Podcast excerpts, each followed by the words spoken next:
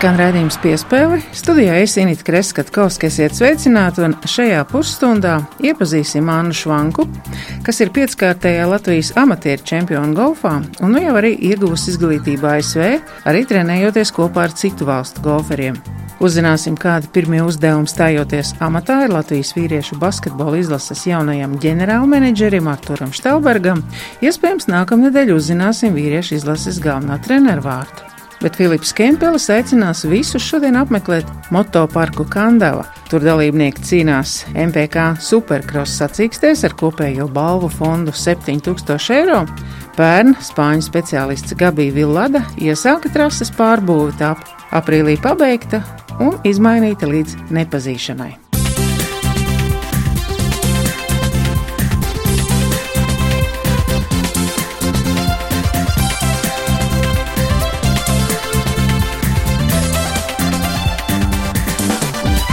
Kopš Anna Švanka studēja Kembela Universitātē ar sporta stipendiju, tās sieviešu golfa komanda ir pakāpusies ASV augstskolu rangā, kā arī vairākus gadus pēc kārtas uzvarējusi ASV studentu sporta Big South konferencē. Švanka ASV studēja kinezioloģiju, zinātni par ķermeņa kustību un mājās praktizējās arī Latvijas Olimpiskajā vienībā, ko jau atzinusi par lielisku pieredzi. Piekto gadu pēc kārtas uzvarot Latvijas amatieru čempionātā, Švanka pirmo reizi turnīru vēsturē sasniedz rezultātu zem par. Turklāt čempione jau ir absolvējusi augstskolu un drīzumā viņa gaida jauni izaicinājumi. Uz golfu Anna pašlaik skatās profesionālā virzienā un sagaida, ka līdz septembrim būs skaidra lieta virzība. Pirmā Latvijas golfere Nacionālajā koledža asociācijas sistēmā bija Laura Jansone, kura pēc augstskolas absolvēšanas kļuva par Latvijas pirmo golfu profesionāli. Attīstību golfā vienlaikus ar kvalitatīvas augstākās izglītības iegūšanu izvēlējās arī māsas Krista un Māra Puisītes, kuras mācības arī jau ir beigušas. Tāpat kā Linda Dobela, Austrum Tenisijas valsts universitāte un pārstāvēja tās golfa komandu, tagad ir treneri asistente golfā Tifinas universitātē. Līdz ar jaunās sezonas sākumu Nacionālajā koledža asociācijā karjeru sāks Marija Jučmane, Ziemeļa Teksas Universitātē un Anna Marksa Dienvidrietumu Oklahomas valsts universitātē. Raidījumam piespēle kolēģis Gunders Galkins sarunā ar Annu Švanku. Bija tāda pauzīte lielāka, kas nospēlēja Amerikā. Un tad es nebiju spēlējusi vairāk nekā mēnesi. Tā man bija arī pašai tāds nedaudz satraukums, kā būs. Vai es esmu gan satrenējusies, un nebija, Ozo nebija spēlējusi arī kādu laiku. Bet tā es vienkārši gribēju labi nospēlēt. Protams, ka man gribējās arī zem pāri nospēlēt. Nevis tāpēc, ka lai būtu rekords vai kā, bet vienkārši pašai sev tīri. Un tad tā pirmā diena ar to lielo vēju, mm. man jau likās, ka tur. Skatījos praktiski visiem pirmajā dienā tie rezultāti bija tas kāds vējš vai pūtiens pamatīgs. Bija ja? liels mm. pūtiens. Gan drīz tā kā pagājušajā gadā, bija tas baigais. Mm. Pagājušajā gadā man ir ieros, kad uzpūta. Mm. Tad pirmā diena arī baig pūta. Un kā sava spēles gāja, tā kā cerēts apmēram? Ar nelieliem pārsteigumiem. Piemēram, man 14. bedrīte nedaudz pārsteidza. Es tā jutos ērti. Sitienu man arī pašai patika, kā man sanāca, un tā varēja izfunktierēt ar to vēju. Protams, tur nedaudz jāskatās, cik viņš stipri pūtīs, uz kuru pusi pūtīs. Bet tā man likās, ka bija labi. Un ar vēju paspēlēties man arī patīk. Tas reiz tā interesanti. Vai es varēšu izrēķināt, cik viņš man aizpūtīs? Pieci čempionāti pēc kārtas, kādas sajūtas par to? Ļoti foršs. Prieks, ka man tā sanāca arī šogad. Ļoti pozitīvs sajūtas. Par tavu nākotni baumas visādas, vai būtu pastāstīt pati, ko grasies nu, darīt? baumas šobrīd droši vien ir uh, loģiski tādā ziņā, ka es pati īsti vēl neesmu neko teikusi, jo man ir plāni, bet tie plāni vēl ir jāīsteno. Kamēr es viņas neesmu īstenojis, es arī tā negribu īsti netanu piesaukt, bet es negribu vienkārši pateikt, ka es darīšu tā, un tad beigās tur kaut kas nesanāk, tad tā tomēr beigās nav. Bet uh, es palikšu Latvijā, un es gribētu arī palikt golfā. Tādi man šobrīd tie plāni ir. Tā kā es kur nebraukšu mm. augusta beigās. Tas tādas prioritātes vai 50 vai 50, nu, būtībā izglītība vai profesija un golfs vai kādam tomēr tā kā priekšroka. Man liekas, ka golfs spiež tomēr vairāk šobrīd. Man izglītība ir ļoti svarīga, vienmēr ir bijusi, bet um, es arī gribētu golfu, tomēr, lai tas man tā nepazūd, un tāpēc es to tā vairāk koncentrējos varbūt šajā brīdī, lai man būtu tā motivācija turpināt. Augstskolā tu esi pilnībā finišējusi. Dokumenti nesen īstenībā tikai atnāca. tā kā tas vēl viss ir procesā arī tur ar uh, Latvijas aģentūrām un to visu. Tāpēc man arī tāds brīdis šobrīd ir. Jā, tas viss ir beidzies oficiāli. Mm. Kā tu skaties uz uh, tiem gadiem, ko pavadīji augstskolā? Es domāju, ka viņiem ir ļoti daudz devuši. Ne tikai, protams, golfa ziņā nenormāli daudz tas ir devis. Es esmu pilnīgi Es neteiktu, ka pilnīgi citādāk golferi nekā es biju pirms tam, bet arī tā pieredze ir neizmērojama. Izglītības ziņā arī, protams, ļoti tā pieeja ir citādāk nekā mums šeit Latvijā. Paskatīties no citām pusēm vienmēr, manuprāt, nāk par labu, bet, teiksim, arī kā cilvēkam man tas ir tik ļoti daudz devis un tā es esmu augusi. Tie četri gadi, nu tā jau liekas, kas tu tur aizbrauc mācīties, arī man likās, ka nav jau nemaz tik tālu tā Amerika. Nu, kas tur, tur piezīmēs vecākiem, tur piezīmēs draugiem. Bet īstenībā septiņu stundu laika starpība tas visvairāk arī tā iegriez, kas man. Tas man tā pēkšņi pārsteidz, ka tas tomēr ir tik šausmīgi tālu, ka tas nav tā, ka tu aizbrauc un tur ir nu, divas stundas, piemēram, Lielbritānijā. Nu, labi, divas stundas, tur pūkstens astoņos grib piezvanīt vecākiem. Vienalga var piezvanīt, jo viņiem ir desmit. Man pūkstens astoņos, tagad treniņi beigušies, viss beidzies, pēkšņi pie, gribas piezvanīt vecākiem, bet viņiem trīs naktī tās sajūtas tomēr tādas, nu, ja ne gluži vientuļākas, tad tādas vienpatīgākas tomēr nekā tu biji gaidījusi. Jā, tur ļoti jācīnās, teikšu tā. Tas nav. Galīgi nav viegli, jo visu laiku praktiski ir, protams, ka tur ir draugi universitātē un veidojas jaunas attiecības jauniem cilvēkiem, bet uh, visu, kas ir palicis šeit, tas viss paliek šeit. Ne tikai tā, ka to atstāja fiziski, bet arī viens pats ar sevi jācīnās. Kā par savu golfa spēli, kā tagad, nu, tev bija augstskolā treneri un kā, kā tagad domā, tā kā pati visu organizēt, vai tomēr kādu treneri kaut ko konsultēties? Par to es īstenībā vēl neesmu izdomājusi. Ja par nākotni tas vairāk tā kā amatieri golfā paralēli izglītībai vai zināmā mērā kaut kāda, nezinu, treneri darbs, profesionāls, kaut kādas tojas, uz kuri puses tu skaties. Es vairāk uz to profesionālo pusi skatos. Tomēr. Es domāju, ka līdz vasaras beigām es noteikti zināšu. Viss sāks praktiski septembrī. Plāni uz vasaru Latvijā Openā spēlēs? Es domāju, ka mm. jūlijā īsti kā laikam nekas nesanāks. Augusta sākumā ir tīmšilds, un pēc tīmšilda nākamajā nedēļā es izskatās, ka braukšu uz Zviedriju spēlēt.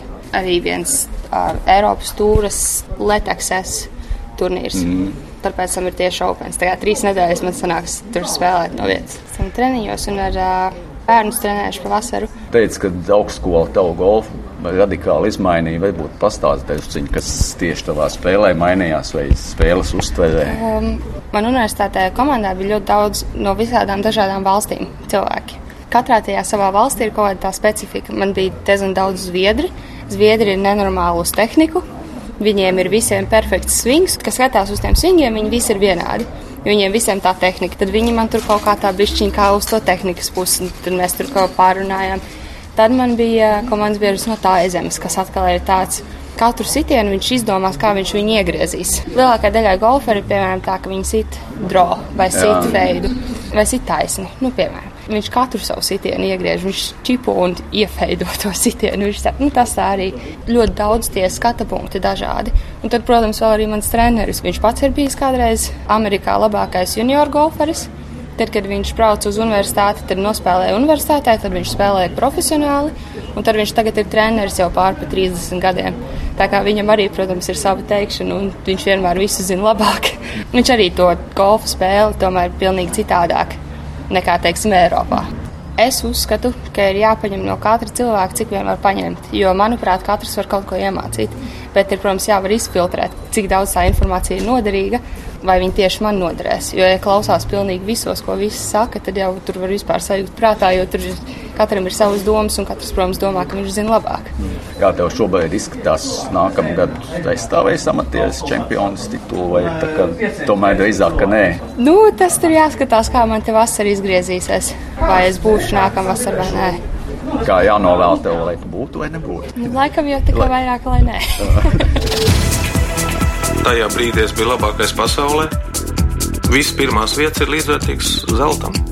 Spēlētājiem gadās slikts, labs spēles sērijas, bet ir jāceļās, jāmāk piecelties un parādīt savu sniegumu. Skan redzējums piespēle studijā Inita Kreskatkovska. Motosporta pasākumu rīkotājs Filips Kempelis iesaka izmantot šodien reto iespēju un klātienē vērot motosportu. Šodien motoparks Skanda uzņem spēcīgus solo klašu motosportistus. Būs iespēja redzēt arī pagājušā gada Šveices vicečempionu, arī labākos igauņus, Tāneku Leoku, Indreku Megiju, Karelu Kutsāru un citus, Kopumā uz starta līnijas stāsies sportisti no vairāk nekā desmit valstīm, arī mūsu Toms Macuks un Dāvis Ivanovs. Jāuzsver, ka Kandavas trase veidota pirms vairākiem gadiem, un ar spāņu trašu speciālista Gabija Vilata palīdzību pērn viņš iesāka trases pārbūvi, pabeidz to šī gada aprīlī, un tā esot izmainīta līdz nepazīšanai. Saruna ar sacensību organizatoru Filipu Kempeli piespēles turpinājumā. Rūks motori, šeit raidījumā un rūks arī motoparkā Kandava, jo tieši šodien uzņem spēcīgus solo klases motosportistus, kas cīnās par MPK superkross sacīkstēs un kopējais balvu fonds 7000 eiro. Raidījuma viesis ir Filips Kempels. Labdien! Labdien! Iepazīstoties, es atgādināju savas pirmās atmiņas no ķeguma trases, kad pats Filips vēl brauca mazajā mocīša grupā un tēvs palīdzēja izstumt šo motociklu. Tas bija pirms daudziem, daudziem gadiem, bet laikam tā mīlestība uz šo sporta veidu, nu, kā saka, āķis lūpā ir un to tik viegli ārā nevar dabūt, ja? Sākās vispār tas pilnīgi nejauši, pat varētu teikt, jo nebija plānā, ka būtu jābūt motokrosistam. Ir pat iemūžināts tāds uh, video, kur tēvam draugs prasa pērkot spēļu mocīti, lai nopērk kā man mocīti, un tajā video tēvs atbild, ka nu, mocīti viņam noteikti nevajag. Tā tas tad aizgāja, kad es jau no 15 gadus braucu pats. Tad uh, apstākļi piespieda beigt to sportu, jo bija uh, traumas pietiekami daudz, un tad, tad sāku organizēt komandu lietas, tad kļuvu par izlašu menedžeri jauniešiem. Un šogad tas pirmais pārbaudījums ir, kad sacensības esmu nolēmis izmēģināt organizēt. Vasaras laiks parasti ir arī tas, kad vecāki ir norūpējušies, ko darīt bērniem. Vasaras nometnēs, kur, cik dārgi tas maksā, un es lasu, ka jūs organizējat arī bezmaksas motocross nometnes bērniem jauniešiem. Jā, es organizēju katru gadu, vismaz vienreiz gadā, pateicoties atbalstītājiem, nometnes sporta, bet kā grūti Latvijā tos atbalstītājus atrast, un līdz ar to to bezmaksas pasākumu šogad ir izdevies izvest tikai izlases braucējiem. Iepriekš tas bija plašāk, bija iespējams, bet nu, šajā konkrētajā gadā, diemžēl, tikai izlases braucējiem. Jā, bet šodien tātad motoparka skandāla. Ko jūs gribētu pievērst vēl uzmanību tiem, kas vēl varbūt svārstās braukt, nebraukt, skatīties? Pagājušā gada Šveices vicečempionu varēs redzēt klātienē labāk Igaunijas motosportisti, kas no mūsējiem un, nu, vispār kāda ideja ir ne tikai droši vien naudas balvu fondu sadalīt. Sacensības būs, es domāju, ļoti interesantas. Pirmkārt, dēļ trases. Jauna uzbūvēta trase ir. Par cik Latvijas trasēs lielākajā daļā ir jābrauc gan iesācējiem, gan bērniem, gan profesionāla līmeņa braucējiem, tad tās trases salīdzinoši tiek veidotas vienkāršākas nekā ja tās būtu tikai profesionālam sportam. Šajā trasē ir akcents tikai uz to pro līmeni, sauksim viņu tā, un tāpēc tā trase ir sarežģītāka, precīzāk veicama Un līdz ar to viņu sportistiem, es domāju, ka vajadzētu patikt. Vismaz tie, kas ir bijuši pamēģināt trasi, ir tikai pozitīvas atsauksmes teikuši. Tā tad viņi būs interesanti ar to, ka viņi ir sarežģīti. Braucieni ir īsāki nekā parasti, un viņi līdz ar to neizratosies tik daudz, un būs cīņa droši vien no starta līdz finišam. Un uh, sastāvs tāds, kāds šajā sacensībās būs, Nu, es neatceros, kad uh, Latvijā būtu bijušas uz starta vismaz no desmit vai vairāk valstīm sportisti, izņemot, protams, pasaules čempionātu. Jūs esat arī apstiprinājis, ka tas būs klasisks motocross, nevis kā, teiksim, ASV supercross, ja? Nē, nē, tas noteikti nebūs supercross. Tas ir vienkārši tāds nosaukums, iekļauts sacensībās, tāpēc, ka ir kaut kādi elementi, kas ir varbūt uz supercross virzienu, tā kā domāti, bet nu, galīgi ne pat tuvu nebūs tā kā Amerikā. Tur no bīstamības viedokļa, jo daudz sportisti man jautājuši, tur būs superkross. Nē, superkross tur nebūs, tur būs klasisks, vienkāršs motocross. Arī par tām trajektorijām droši vien, ka ik viena trasa ir eh, īpaša, bet eh, interesanti ir arī skatītājiem, eh, teiksim, ir iespējas tajās trajektorijās apdzīt citam citu, koncentrēties arī par zinām taktiku, domājot jau braucienu laikā. Jā, nu, mēs esam centušies domāt par to, par cik es pats esmu sportists, tad es zinu, ka e, ir trases, kurās ir grūti apdzīt. Tāpēc mēs maksimāli centīsimies e, izveidot to trasi tā, lai, viņi, lai būtu vairākas trajektorijas iespējams, lai var pamainīt, lai ir kur apdzīt un, Un tas pats arī ar grūns izveidi. Mēs par cik tā trase ir cieta, tad mēs viņu centīsimies maksimāli padarīt mīkstāku, lai arī tas eh, kaut kā uztaisītu to līmeni dažādāku. Vai var teikt, ka trase ir eh, līdz nepazīšanai pārmainīta salīdzinot ar to, kāda te vēl bija iepriekš? Un, eh, ja var ticēt informācijai, tad Kandavas trase veidot pirms vairākiem gadiem ar spāņu trašu speciālista Gabija Vīladu palīdzību. Jā, viņa 2010. gadā tika izveidota. Pirmos gadus laikam pat tur nenotika sacensības, eh, bet tad tur sāka organizēt eh, superkaus, kādreiz tāds seriāls. Pēdējās sacensības tur notika 16. gadā, un tad pirms eh, nepilna gada atbrauca vēlreiz šis spānis Gabija Vilada un atjaunoja trasi. Un, jā, tik tiešām viņa ir no vecās trases palikuši, principā, ir viens leciens un viens līkums. Ja runājam par trases cietību, tad, piemēram, vieglatlēti ļoti pārdzīvo. Nu, tur esot arī savu knifiņu, bet tomēr, ja ir ciets segums, tad uh, vairāk varbūt uh, sāpīgi kājām un muskuļiem. Uh, domāju, ka cieta trasa arī motokrosā noteikti ir riska faktors. Cietākā trasē, protams, ja sanāk pieļaut kļūdu, nokrist, tad tās eh, nu, nobrāzumi ir daudz lielāki nekā smilšu trasēs. Un arī otrs, kas mums kā organizatoriem cietā trasē grūti, ir viņa ir ļoti viegli ātri izžūst un veidojās putekļi. Lai iziet no šīs situācijas, viņi ir kārtīgi jāsagatavo, jāuzvar, jāuzecē pirms sacensībām un beig jānotrāpa ar, ar laistīšanu tāds kā laiks kā šodien, pieņemsim, ir, tad e, grūti, protams, prognozēt, vai būs lietas rīt vai parīt, vai kas notiksies. Kā jūs varētu dažos teikumos raksturot, kas startēs jūsu mačos? Jaunie talantīgie, e, jau sportisti ar vārdu, arī varbūt par tehniku, vai var teikt jau, ka konkrētās e, motociklu firmas ir, nu, dominēs, Motociklu markas katrs brauc ar saviem motocikliem, kaut arī viņi brauc no, no Šveices vai no Nīderlandes, bet viņi brauc ar savu tehniku kas ir saicināti sportisti, viņi ir akcentus licis uz otrā līmeņa braucējiem, bet nu, tas tā varbūt skan ne, nepareizi, nevis GP braucēji, kas brauc pasaules čempionātā, bet nākamais līmenis. Tādi sportisti, ar kuriem interesantāk būtu Latvijas braucējiem, jo uzaicināt pasaules čempionāta dalībniekus, top 10 braucēju, tas nebūtu interesanti, jo viņi aizbraukt projām un ar to arī viss beigtos. Paldies, ka piedalījāties redzījumā. Tātad Filips Kempels. Motosportisti šodien Kandavā cīnās, lai sadalītu ne tikai 7000 eiro naudas balvas motoparkā Kandava. Tātad Kandava uzņem spēcīgus solo klašas motosportistus, kas cīnās par MPK superkrosu. Galvenajām balvām zināms arī, ka skatītājs priecēs mūzikas grupa Dzels Vilks un Filips Kempelis. Sacensību organizators rēdījumā piespēlē motoru rūtas, lai traumas iet uh, secen un lai uzvar spēcīgākais. Paldies, ka atnācāt! Paldies! Viņš bija tāds motivators, ka es arī gribu būt tur, kur ir viņš un darīt to, ko viņš dara. Visiem spēlētājiem mēs ticam, gaidām, un, un vēl nekas nav beidzies. Vismaz viena spēle mums noteikti. Jā. Raidījuma piespēle izskaņā dod vārdu kolēģim Mārtiņam Kļaviniekam. Latvijas radio sporta raidījums piespēle turpinās, un eh, nu, šajā piespēlē jārunā par basketbolu. Latvijas vīru izlase nevar aizmirst basketbolā. Eh, nesen par vīru izlases eh, ģenerālmenedžeri kļuva Artūrs Štālbergs, un viņš ir arī šīs dienas raidījuma viesis. Sveiks, Artūr! Labdien! Jā, nu, ģenerālmenedžera amats, tu pats esi apradis ar to, kā tas skan, un ka tas rīmējas blakus tavam vārdam, uzvārdam.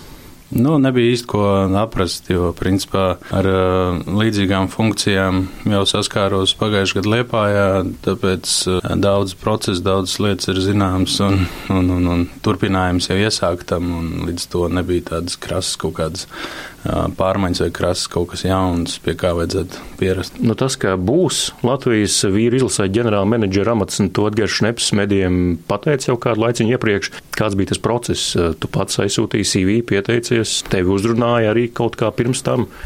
Jā, nu aizsūtīju tik līdz šis konkurss tika izsludināts, aizsūtīju CV, aizsūtīju savu motivācijas vēstuli, un, un tad bija gaidīšanas periods, tika paziņoti trīs kandidāti, kur tiek izvirzīti uz, uz, uz šo finālu, fināla posmu, jā, uz pārunām aicināt.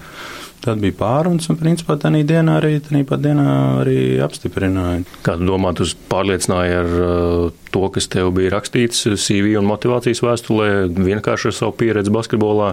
Varbūt tev noderēja Amerikas uh, koledžas izglītība arī šeit?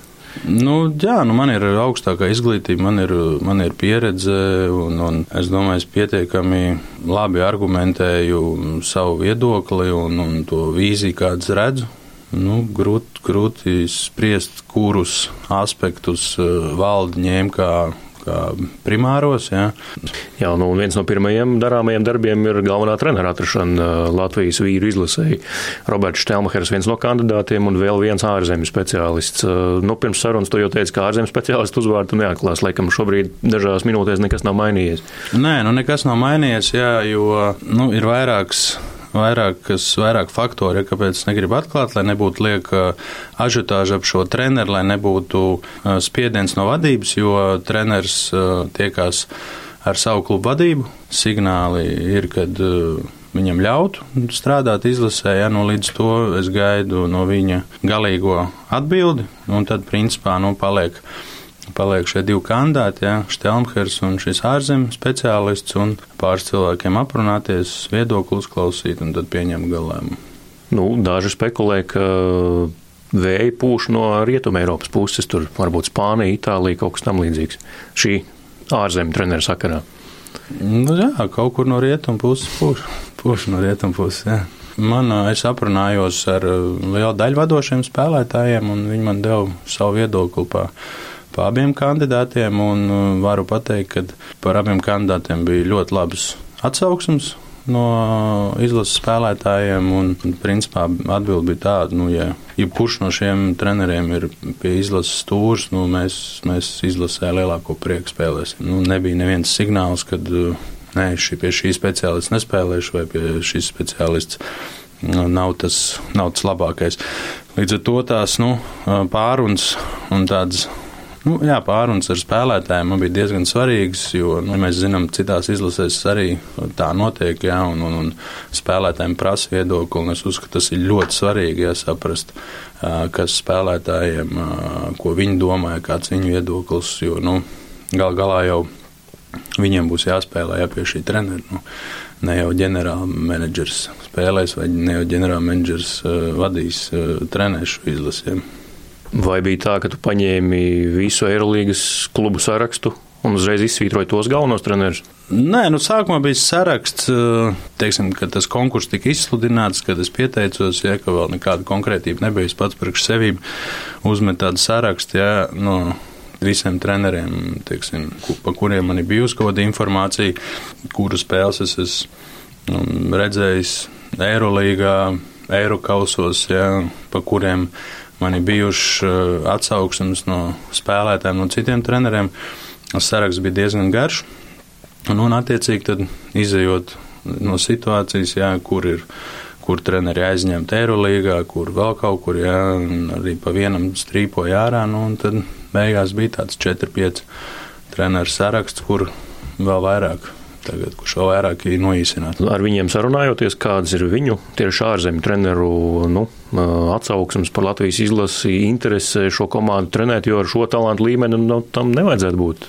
Nu, es varu pateikt, jebkuram arī Roberts Štelmhers, ne tikai ārzemju treneri, ja visi apzinās, ka Latvijas izlase tas jau ir. Tas jau tāds brands un tas ir prestižs, jā, un, un kur, kur tika uzrunāti, jā, nu, viņiem viennozīmīgi ir interesi par šo šo projektu, jā, un, un būt treneriem arī tā skaitā ar asistentiem, kur ir, ar kuriem es runāju. Jā. Galvenais treneris pats izvēlēsies savus palīgus. Domāsim, skatīsimies. Nebūs tā, es domāju, ka es uh, atļaušu, jā, kur katru Bet nu, arī tur kaut kādiem kritērijiem jābūt, kā es to redzu. Es domāju, ka kopīgi jau nonāksim pie kaut kāda kopsaucēja.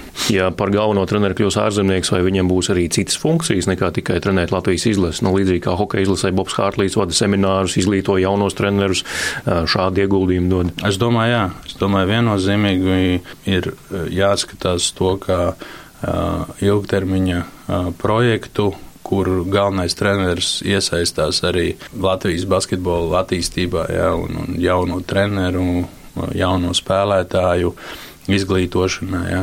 Organizēsim arī kaut kādas semināras, ja, tikšanās ar treneriem, un, un, un tas tam visam jābūt tādam kopības procesam, kopīgam procesam, ja ne tikai atbrauc uz ciklu, novada aizbrauc. Ja. Cik gadu līgums? Pašlaik es redzu, ka tas ir līdz Eirobasketa kvalifikācijas beigām. Attiecīgi, jā, ja mēs kvalificējamies uh, Eirobasketam, jā, tad uh, līgums tiek pagarināts vēl uz nākamo ciklu. Tu, starp citu, bija arī 2009. gada Latvijas izlases modelī, nu, kur diez vai par tiem spēlētājiem varētu teikt, nu, ka viņi varētu mainīties un pievērsties darbam, uh, atteikties no nu, tādas brīvākas atpūtas arī varbūt nu, darba jā, laikā? Tās, tās, es domāju, divas dažādas izlases, div, divas dažādas paudzes.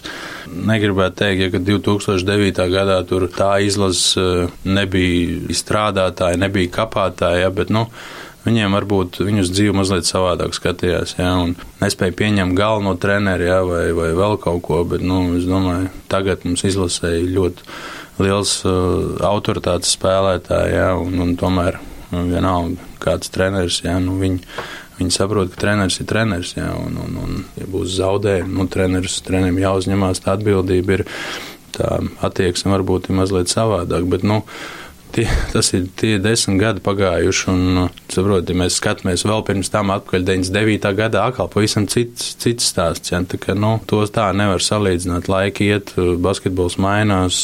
Bet, nu, ja mēs ierunājāmies par to 9. gadu, vai Artūrs Stalbergs vēl ik pa laikam sapņos vai murgos redz to 9. gadu, kā tur bija plus 8 vai plus 9, kā komanda tur veidojās, kādi bija konflikti, kāds bija tas ceļš līdz fināla turnīram? Nebija viegli. Nu, es Es pats tenī uh, uz to turnīru biju ļoti labā formā, un, nu, diemžēl, pirmajā spēlē ja, gūt traumu, ne otrajā spēlē. Ja, Gūt traumu, un, un tad viss tas pārējais process tā sanāca no malas, uh, no soliņa skatīties. Ziniet, kā tā viena tā vēl projām galvā stāv tā, tās spēles beigas, tie plus, plus astoņi, ja, un, un, un minūtes pārtraukums, tā zāle pilna skatītājiem, tāds, tāds haoss, tā viss viens uz otru skatās, un neviens neko īsti nesaprot, kas tad jādara. Ja. Nu, tas ir tas vienīgais, kas man palicis galvā, ja, un, un, un tas kaut kur iekšā arī, es domāju, skumji sajūta, ja, ka nu, to 2009. gadu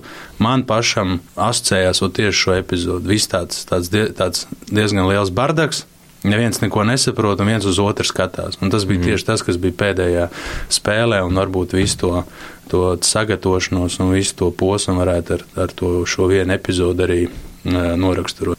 Es domāju, tagad, dotā brīdī, jā, arī pēc pagājušajā Eiropas čempionāta, pēc pasaules kausa, jā, es domāju, mums vajadzētu pastīties atpakaļ uz to brīdi, jā, pēc tā 2009. gada, kur mēs bijām un kur mēs esam tagad, un kas, de, teiksim, desmit gadu laikā, kas ir izdarīts. Un, ja kādreiz kādam atkal kaut kāda uznāk melnē, ja, tad vajag pastīties, cik liels darbs tika ieguldīts.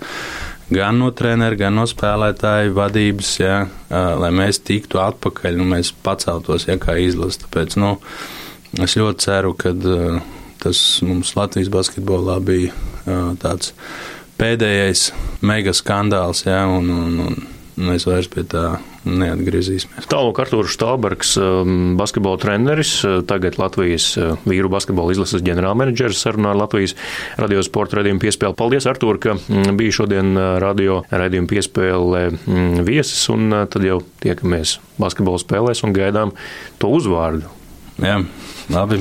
Kurš, drīz, drīz viss būs. Kurš trenēs Latvijas basketbolu izlasi? Pacietīsimies un tad gaidām, un tad jau arī uh, līdz nākamajām sarunām. Mm, redzēšanu.